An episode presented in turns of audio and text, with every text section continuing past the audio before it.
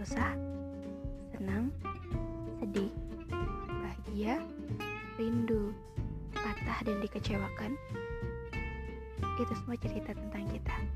Kita ini manusia. Ayo cerita.